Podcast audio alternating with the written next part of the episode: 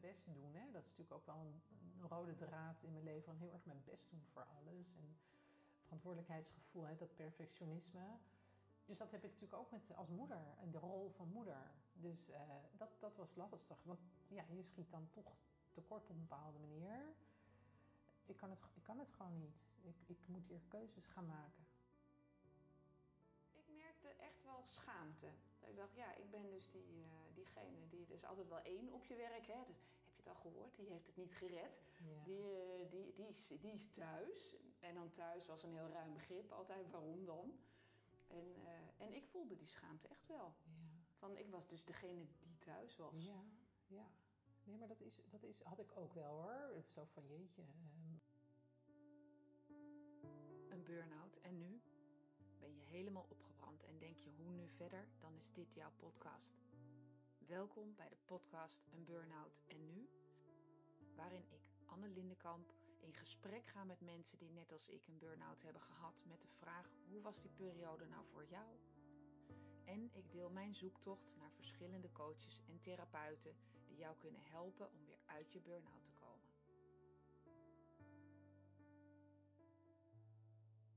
In de reeks gesprekken met mensen die zelf een burn-out hebben ervaren, deze keer Marije. Marije is getrouwd en heeft drie kinderen. Voor ze een burn-out kreeg, werkte ze in het bankwezen als Senior Information Analyst. Ze haalde eind 2005 nog net de kerstvakantie en toen was het op. Ze kon niet meer. Na haar burn-out nam haar loopbaan een andere wending en tegenwoordig werkt ze als independent consultant. Na het behalen van haar VWO-diploma ging ze economie studeren aan de Universiteit van Amsterdam. Daarna ging Marije bij verschillende banken werken en tijdens haar carrière kreeg ze samen met haar man drie kinderen. Het was niet altijd makkelijk om werk te combineren met een jong gezin. Alles in haar leven draaide om werk, kinderen, haar gezin en haar familie. Ze vertelt openhartig over deze drukke periode en het moment dat een vriendin tegen haar zei: En waar blijft er tijd voor Marije over in dit verhaal? Luister naar mijn gesprek met Marije over heel erg goed je best doen en in je hoofd zitten, over blinde vlekken, graadmeters, altijd maar doorgaan, zelfzorg en to-do-lijstjes.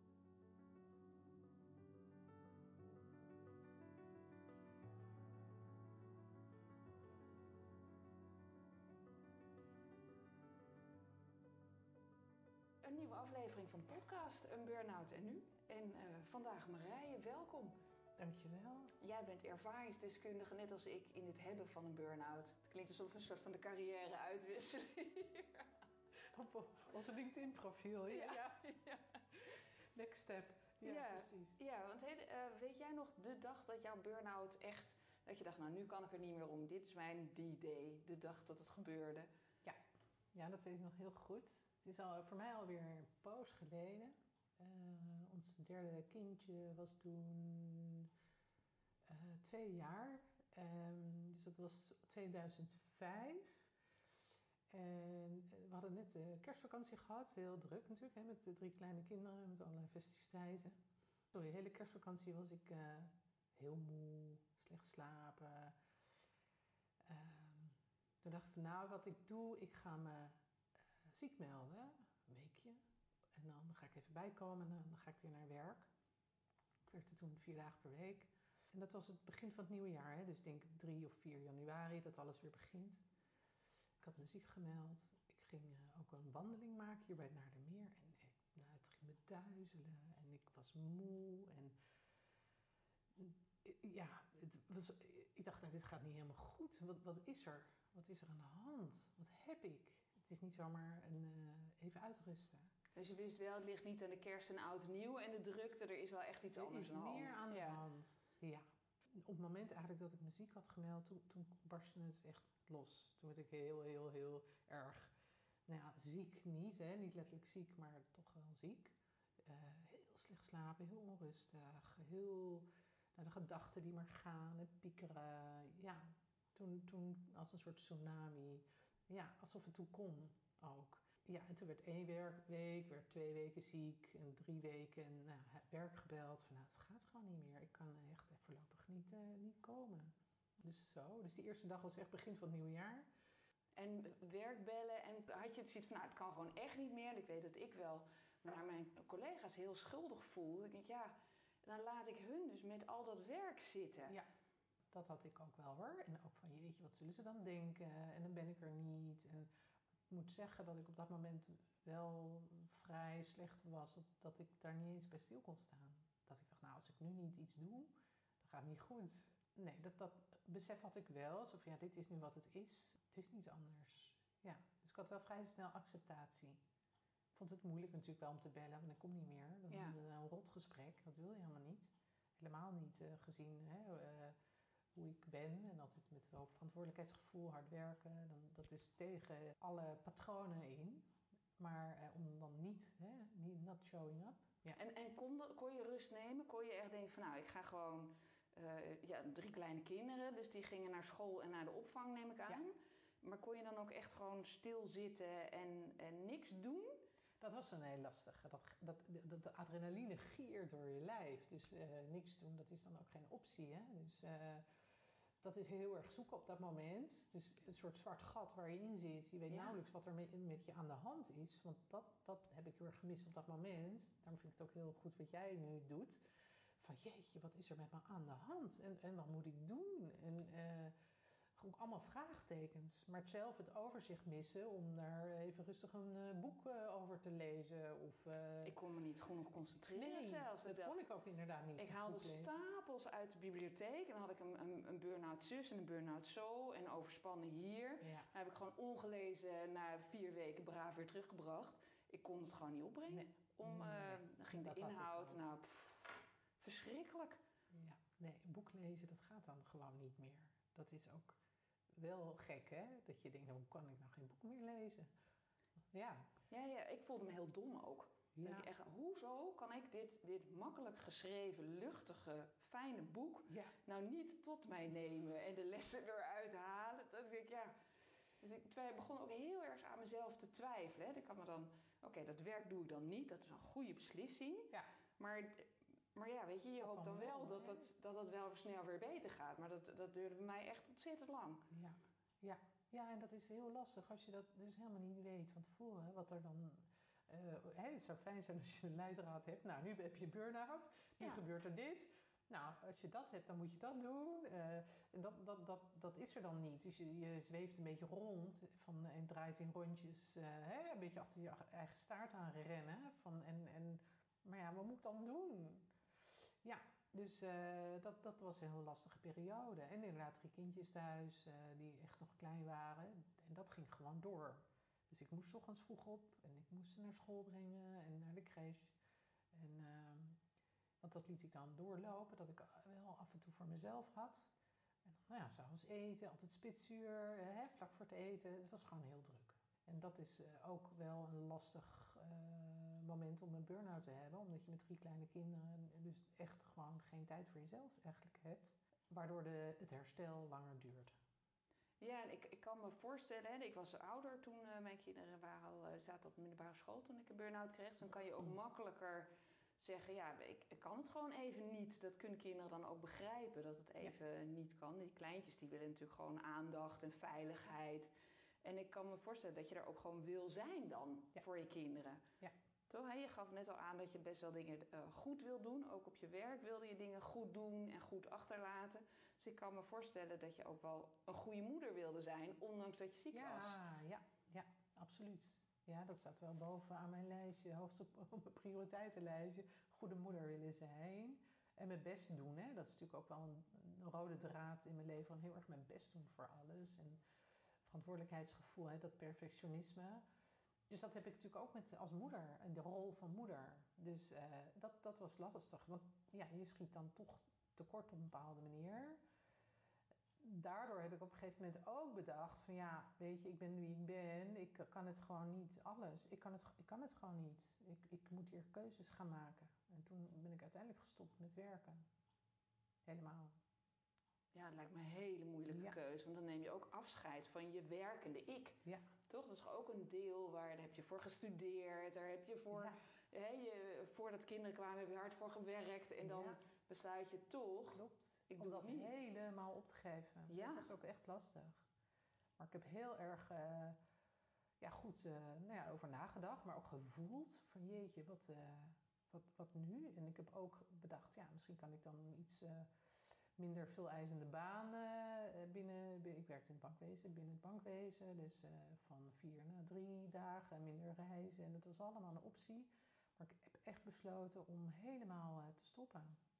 Ja, dat is echt wel een bewuste keuze geweest. Ja, en kon je die dan al snel maken, die keuze? Had je echt het idee van, nou, na een paar maanden, ik moet ermee stoppen? Of, of heeft dat echt langer geduurd voordat je gewoon... Dat heeft wel langer geduurd. Ik denk al met, want ik ben ook wel even teruggegaan nog naar kantoor om te proberen te integreren. Dat heb ik een paar weken gedaan. En, maar mijn hele lijf zei, nee, dit, dit moet ik niet doen. Dit moet ik gewoon niet doen.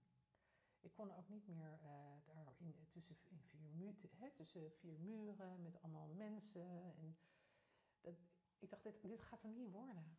En een heel groot risico. Hè? Je geeft die inkomen op. Ja. Uh, je weet niet hoe, hoe, hoe, het dan verder gaat. Maar ja, ik heb dan toch wel die stap uh, durven te nemen. En achteraf wel blij mee? Ja. ja.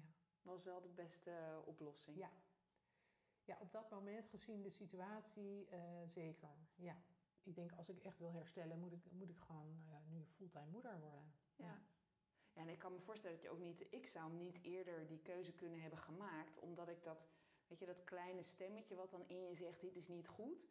Um, het ene keer is het de innerlijke criticus die zegt uh, je doet het niet goed. En de andere keer is het je intuïtie. Ja. Maar daartussen kon ik helemaal geen verschil maken. Nee. Dus het was voor mij allemaal irritant. Wat, ik, wat er in me omhoog kwam van dit is wel goed voor je, dat is niet goed voor je. En ik dacht nee, we moeten gewoon nooit opgeven, doorgaan, verantwoording nemen en gaan. Ja.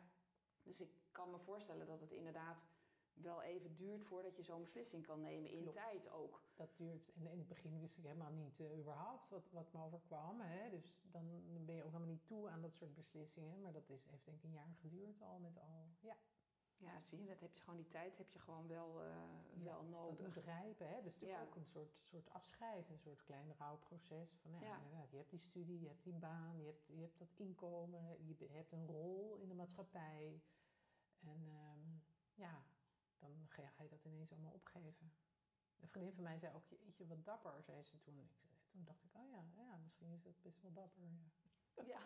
zo had ik het al ja. niet bekeken. Nou, het is wel lief dat mensen in je omgeving zo met je meedenken. Ja, ja, ja, dat is heel fijn. Toch ja. positief. Want hey, je omgeving heb je snel verteld aan je vrienden van nou, ik, zit met, ik kon het niet, ik zit met een burn-out thuis. Of heb je het heel erg voor jezelf gehouden? Nee, ik heb het wel verteld. Ik heb op een gegeven moment wel uh, echt wel gezegd, nou, een burn-out en uh, dit is het. Ik denk dat heel veel mensen dat, als je het nooit hebt meegemaakt, dan kun je er geen voorstelling van maken. Nee, en je ouders, heb je die dat? Uh, ik heb natuurlijk meer interviews gedaan en ik hoor wel mensen ook zeggen van ja, mijn ouders vertellen, dat vond ik wel een ding. Ja, dat had ik niet zo. Nee, mijn moeder heb ik het verteld en die, ja, nee, die vond het wel, ja, gewoon, nou ja, oké, okay, dat is dan wat het is, hè. Ga maar rustig gaan doen. Ja, ja. En mijn vader, die, uh, ja, die, die snapt dat allemaal niet. ik dacht, oké, okay, nou, oké, okay, dat kan dus ook. Ja. Ja. Ja, ja ik, ik merkte echt wel schaamte. Het heeft ook geen zin om daar, ja, weet je. Dat, nee, dat is ook waar. Het heeft ook, ook, geen zin. Want nee. het is niet een schande. Je hebt gewoon heel erg je best gedaan. Ja, en dat, dat is het ook. Het is ook de ja. van wie je bent. Hè? Dus altijd je best doen, je best doen, nog meer je best doen. Tot het gegeven moment niet meer gaat. En dan, ja, en, dan, dan, en wat dan, hè? En uh, al die gedachten over jezelf en ik, hè, die verwachtingen van ik Ja. moet eigenlijk dit en ik moet dat en dan dat niet kunnen en wat dan. En ja, dat is een ingewikkelde. Dat je zelf van al die, die soms ben je zelf je ergste vijand hè, in je hoofd. Dat was ik zeker. oren, ja, zeker. En maar blijven hè, slaan. Van, Ja. nou, en nou eh, doe je het weer niet goed en weer niet. En nu weet je zo. En dat is eigenlijk wat, wat, wat, wat, wat dat heeft verzachting nodig, denk ik dan. In ieder geval bij mij. Daar dat stemmetje, dat, dat moet eigenlijk wel. eh, als ik eh, beter wil worden, dan eh, is dat wel fijn als ik daar wat aan kan gaan doen. Ja. Ja, daar, dan kan je rust vinden en dan kan je ook, want dat kon ik niet. Ik kon niet niks doen. Ik vond stilzitten, vond ik echt gewoon nutteloos bezigheid. Dat is echt voor, die mensen hebben het allemaal niet begrepen. Stilzitten is gewoon, dat was voor mij gewoon geen optie. Nee. Nee. Ik moest gewoon doen. Ja. En eh, hè, dat is natuurlijk precies ook waarom ik dat programma nu geschreven heb. Om mensen te helpen om, eh, om die rust wel te vinden, zodat je kan herstellen. Ja. Ja, ik- dat je niet schuldig voelt als je even niks doet. Hè? Precies, Ja. want dat, ik voelde me zo schuldig met niks. Precies wat jij zegt, de, die schuld, daardoor kon ik niet niks doen. Maar daardoor heb ik mijn eigen herstel Ja. heel erg in de weg gezeten. Ja. Terwijl ik kon niet opladen, want ik moest dan, dan had ik dus klusjes thuis. Want ik, ja, ik was thuis, dus dan kunnen we Er beter maar... eh, altijd wat te doen natuurlijk. Je altijd. kunt altijd wel wat verzinnen. Toch? Dus het gaat eigenlijk over schuld en schaamte hè, dan. Schuld Ja, van, ja, ik doe het niet goed. En schaamte van, oh ja, wat zullen anderen dan denken? Ja. Ja. ja, terwijl het daar natuurlijk helemaal niet over ging. Op een gegeven moment zei iemand tegen mij van ja, maar die, die interne batterij, die moet jij wel zelf opladen. Hè? Dat ik ja, dacht van eh, ja, tuurlijk, maar hoe dan? Ja. Ga lekker doen wat goed voelt. Ja. En toen ik echt dacht, ja, ik voel helemaal niks. Nee. Dus, dus eh, als jij nou even dat zegt, dan doe ik dat Ja, wel. Precies, zeg even Maar- wat voor mij goed voelt. Ja, ja, ja, precies. Ja, ja. dus dan ging ik dingen doen, maar die voldeden helemaal niet aan mijn kwaliteitseisen van goed doen. Dus daar. Dus nee, het is ook heel lastig voelen. Is natuurlijk, als je al zo lang je best doet, zit je sowieso heel erg in je hoofd. ja, enorm. Je, ehm, ja. Nou ja, en ik ging wel eh, heel bewust voelen. Dan ging ik zitten en ik voel. En dan had ik helemaal geen zin in. Toen ging ik dan met mijn Ah, hersens bedenken wat ik voelde. Ja, Maar ja, ik zag gewoon geen andere mogelijkheid. Dus ik ging heel hard werken aan dat, eh, aan ja, dat ja, herstel. Ja, ja, precies. Echt verschrikkelijk. je, je, je eigenlijk weer heel erg je best doen. Enorm. Ja, dan zit je in dat patroon van, oh ja, nu ga ik heel erg mijn best doen om te ja, voelen. ja. Ja, echt ja. te suf. Ja, Maar goed, dat, eh, het niets doen was, ja, dat heb ik echt later pas eh, geleerd. Dat dat dus de manier was, onder andere om eh, hè, die, dat reptiele brein, dat vechten- en vluchtgedrag, de- dus de hele dag bezig zijn. ja. Om dat een halt toe te roepen. En toen ik dat één keer leerde, toen kon ik ook weer slapen. Ja, Maar, toen ging je weer slapen. Ja, Ja, ja, want ik hoorde jou in het begin ook zeggen, nou slaap was echt verschrikkelijk Nou in het ja, begin. echt, echt verschrikkelijk. Ik heb echt gewoon weken nauwelijks geslapen. Dat ik dacht, nou, dit gaat niet goed. Gewoon klaar wakker. Ja. En dan slaap je al slecht met kleine kinderen. Dus dan denk je, nou, ik slaap. En dan is er eentje wakker. Net, weet je wel. denk je, oh god. Ja, dus dat was wel... Nou ja, en slapen is nog steeds zo'n graadmeter nog steeds. Van als ik slecht slaap, dan weet ik van, nou, ik moet eigenlijk gewoon rustiger aandoen. Dus ehm, ja, die signalen. Voor mij is slapen eh, meteen een indicatie. Ja, dus dat, dat herken ik wel wat jij zegt. Dus je hebt eigenlijk de grenzen van toen nu als indicatoren meegenomen om zelf, eh, eh, jezelf meer, eh, ja, ik zou zeggen, bijna zeggen, respect naar jezelf toe. En dat is, het is echt ja. zelfzorg. Ja, Je respect, zorg. Ja, ik, ik denk dat dat ook on, ontbrak al die jaren, zelfzorg. Dus alles om werk, kinderen, gezin, familie. Maar ja, Anneke zei ook op een gegeven moment, ja, en Marije dan? Waar blijft die dan in het hele verhaal? En toen keek ik er al aan van, "Huh, hoezo? daar heb ik gewoon geen tijd voor, dacht nee, ik. hoezo? Ja. Ja, dat, en maar het kwam wel binnen. Het bleef op een of andere manier wel hangen. En later moest ik er steeds aan terugdenken. Zo van, ja, inderdaad, waar, waar blijft Marije dan in het hele verhaal? En dat, dat is iets wat ik echt heb moeten leren. En nog steeds. Ja. Ja, ja, maar dus slapen is een indicator voor jou. Ja. Heb je nog meer dat je denkt, oh, ik ben over een grens gegaan, ik moet nu even zacht zijn voor mezelf? Ja, ik heb eh, sowieso als eh, dus fysieke klachten, hè, dus een beetje pijn in mijn nek, pijn in mijn rug, ehm, veel gedachten, piekeren, ehm, niet lekker in mijn vel, niet lekker in mijn, in mijn lichaam, hè, dus, dus een beetje opgejaagd gevoel. Dat zijn allemaal, allemaal grenzen. Dan denk ik, oh ja, nu moet ik even iets, eh, hè, even pas op de plaats. Ja. Ja, ik heb heel erg dat als ik ga snauwen naar mijn omgeving, dan ben ik helemaal zen, denk ik. En dan, dan komt er iemand langs en die, te weet ik, er gebeurt echt niks. Die stoot misschien ongeluk tegen me aan. En waar je normaal Ah. denkt, oh gezellig, weet je, er is iemand anders bij me. denk ik echt, Ja. rot op, Andere je. mensen zitten dicht, te dicht dan op je huid, Ja. hè, al snel. Ja, en dat, Ja. dat irriteert me dan echt dat ik echt denk, oh, ik ben echt. Snap dat. Ja, en dan, En dan weet je van, hé, hey, Dit is een grens. Ik ben ergens te ver gegaan. Ik moet nu even weer terug naar mezelf. En Ja. hoe eerder ik dat respecteer, dan denk ik, oh, ik ben echt niet aardig voor een ander. Dan weet ik, oké, dus ik moet weer even een stapje terug. En dan is het ook, kan het ook weer in Ja. een half uur tot een uur weer helemaal precies, prima dat kan zijn. heel Hè? snel herstellen. Hè? Ja. Gelukkig kan dat nu heel Ja. snel. Ja. En heb jij, hè, want het gaat nu natuurlijk weer supergoed met je. En je hebt eh, weer een nieuwe carrière opgebouwd. En, ehm, maar heb je dan, zou er iets geweest zijn wat je van je nu tegen jezelf toen zou willen zeggen van oh, als, ik, als je hier nou naar luistert, dan zak je niet zo diep weg?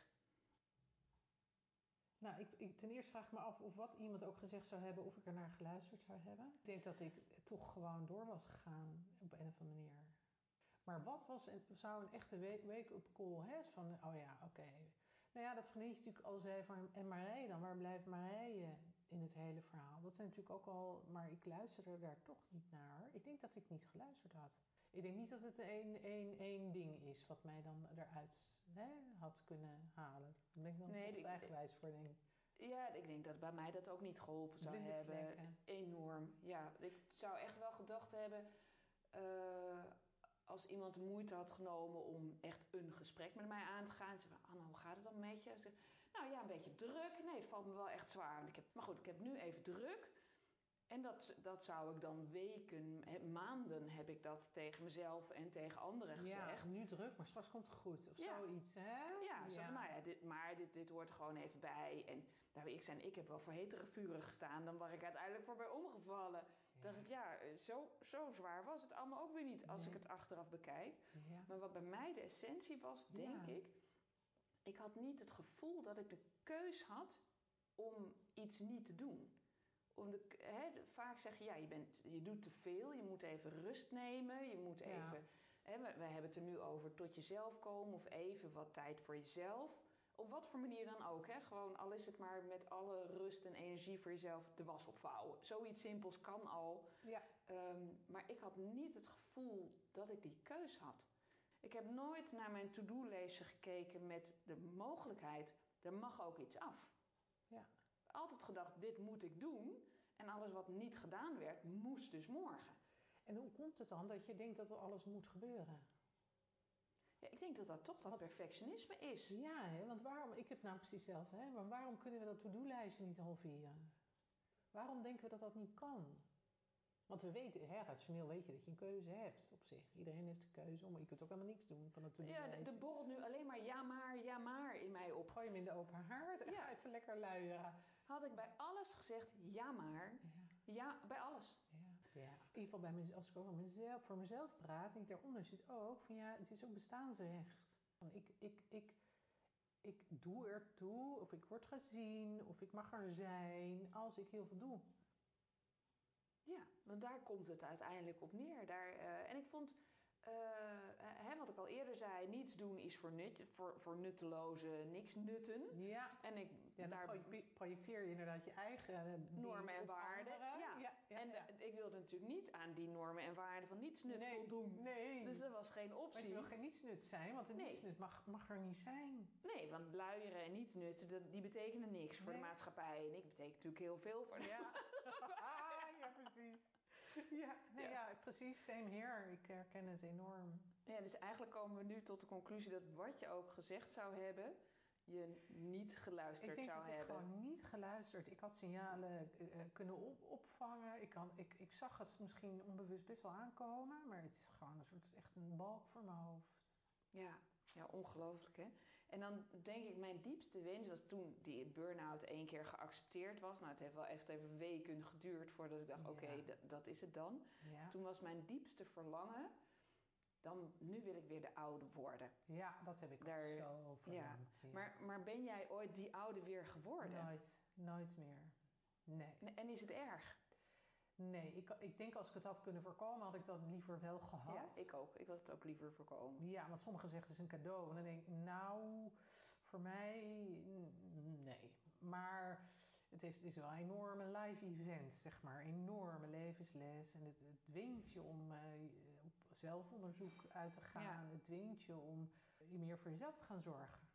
En dat is natuurlijk heel belangrijk.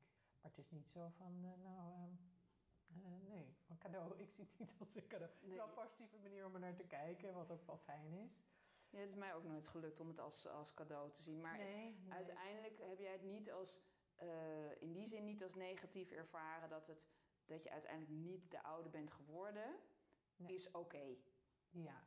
ja. Er is, het is nu weer echt helemaal oké. Ja, ja. Ik sta heel anders in het leven.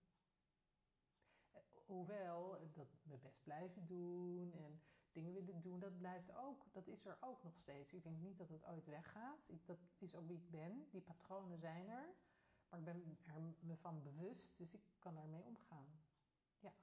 Dus als ik me te veel mijn best doe, dan denk ik, oh ja Marije, en dan, uh, nou, je bent weer flink je best aan het doen. Nu mag ook wel wat minder, weet je, zo. En dan is dat ook oké. Ik hoorde een keer Wieteke van Dort zei dat. Die had ook burn-out of overspannen. Ze zei, ik doe alles met, met één hand, met mijn linkerhand. Dus afwassen. Uh, en dan gaat alles zoveel langzamer. En dan word ik rustig van. Nou, het is wel echt een prachtige tip. Die nemen we mee als afsluiter, toch? Ja, in, uh... ja, mee, ja echt geniaal. Want ik doe alles ook met tien, in, in de tiende versnelling en alles tegelijkertijd. En weet je, dat, dat heb ik nog wel. En, maar dan denk ik, oh ja, nee, ik ga nu alles met één hand doen. Net als Wieteke van Durt. En dan gaat ja. het veel slomer, maar wel meer mindful.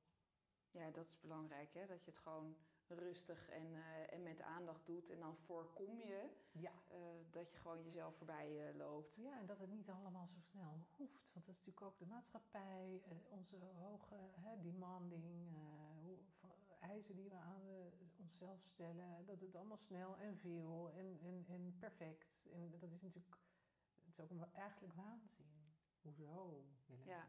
Nou, het is voor de perfecten, waar, waar wij ons onderscharen, de perfecte perfectionisten in deze wereld wel.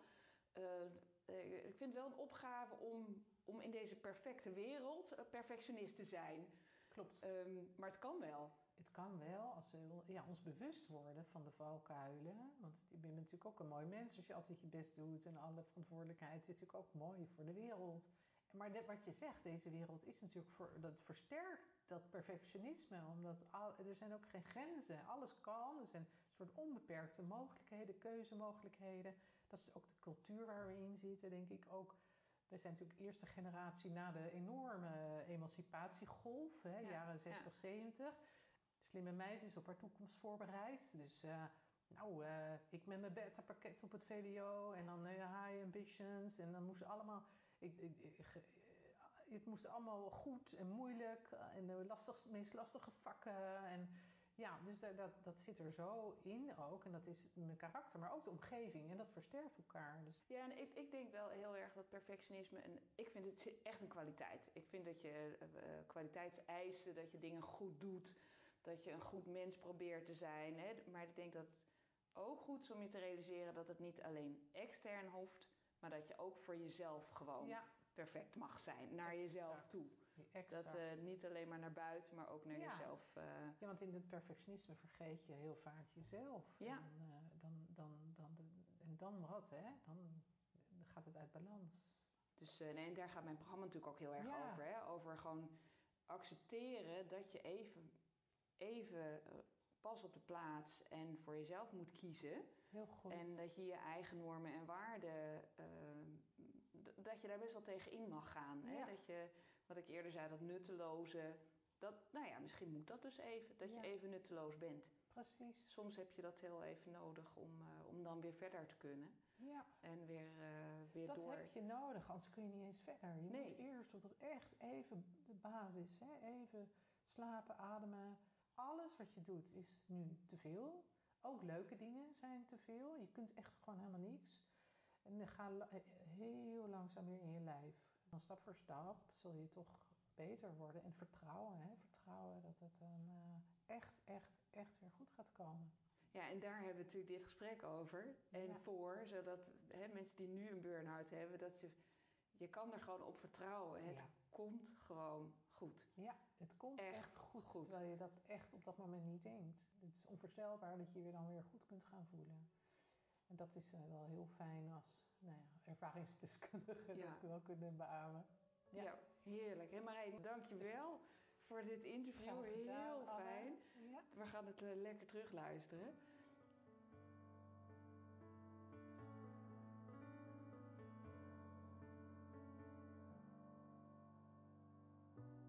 Is alweer het einde van de podcast Een Burnout en Nu. Fijn dat je luisterde. Deze podcast is onderdeel van mijn missie. Ik help graag zoveel mogelijk mensen bij het zetten van die eerste stap van herstel als je helemaal bent opgebrand. Wil jij ervaren hoe ik jou kan helpen? Maak dan een afspraak op de website eenburnoutennnu.nl. Daar kan je ook mijn gratis e-book downloaden met 11 tips voor meer energie. Weet jij een bijzonder persoon of een bijzondere therapie die anderen zou kunnen helpen bij hun herstel? Laat het me weten. Je kan me vinden op Facebook of Insta onder Anne Lindenkamp en stuur me dan direct een DM of ga even naar de website eenburnoutennu.nl slash contact. Hoor je nou graag meer van deze inspirerende gesprekken? Abonneer je dan even, dan hoef je niets te missen. Tot de volgende aflevering.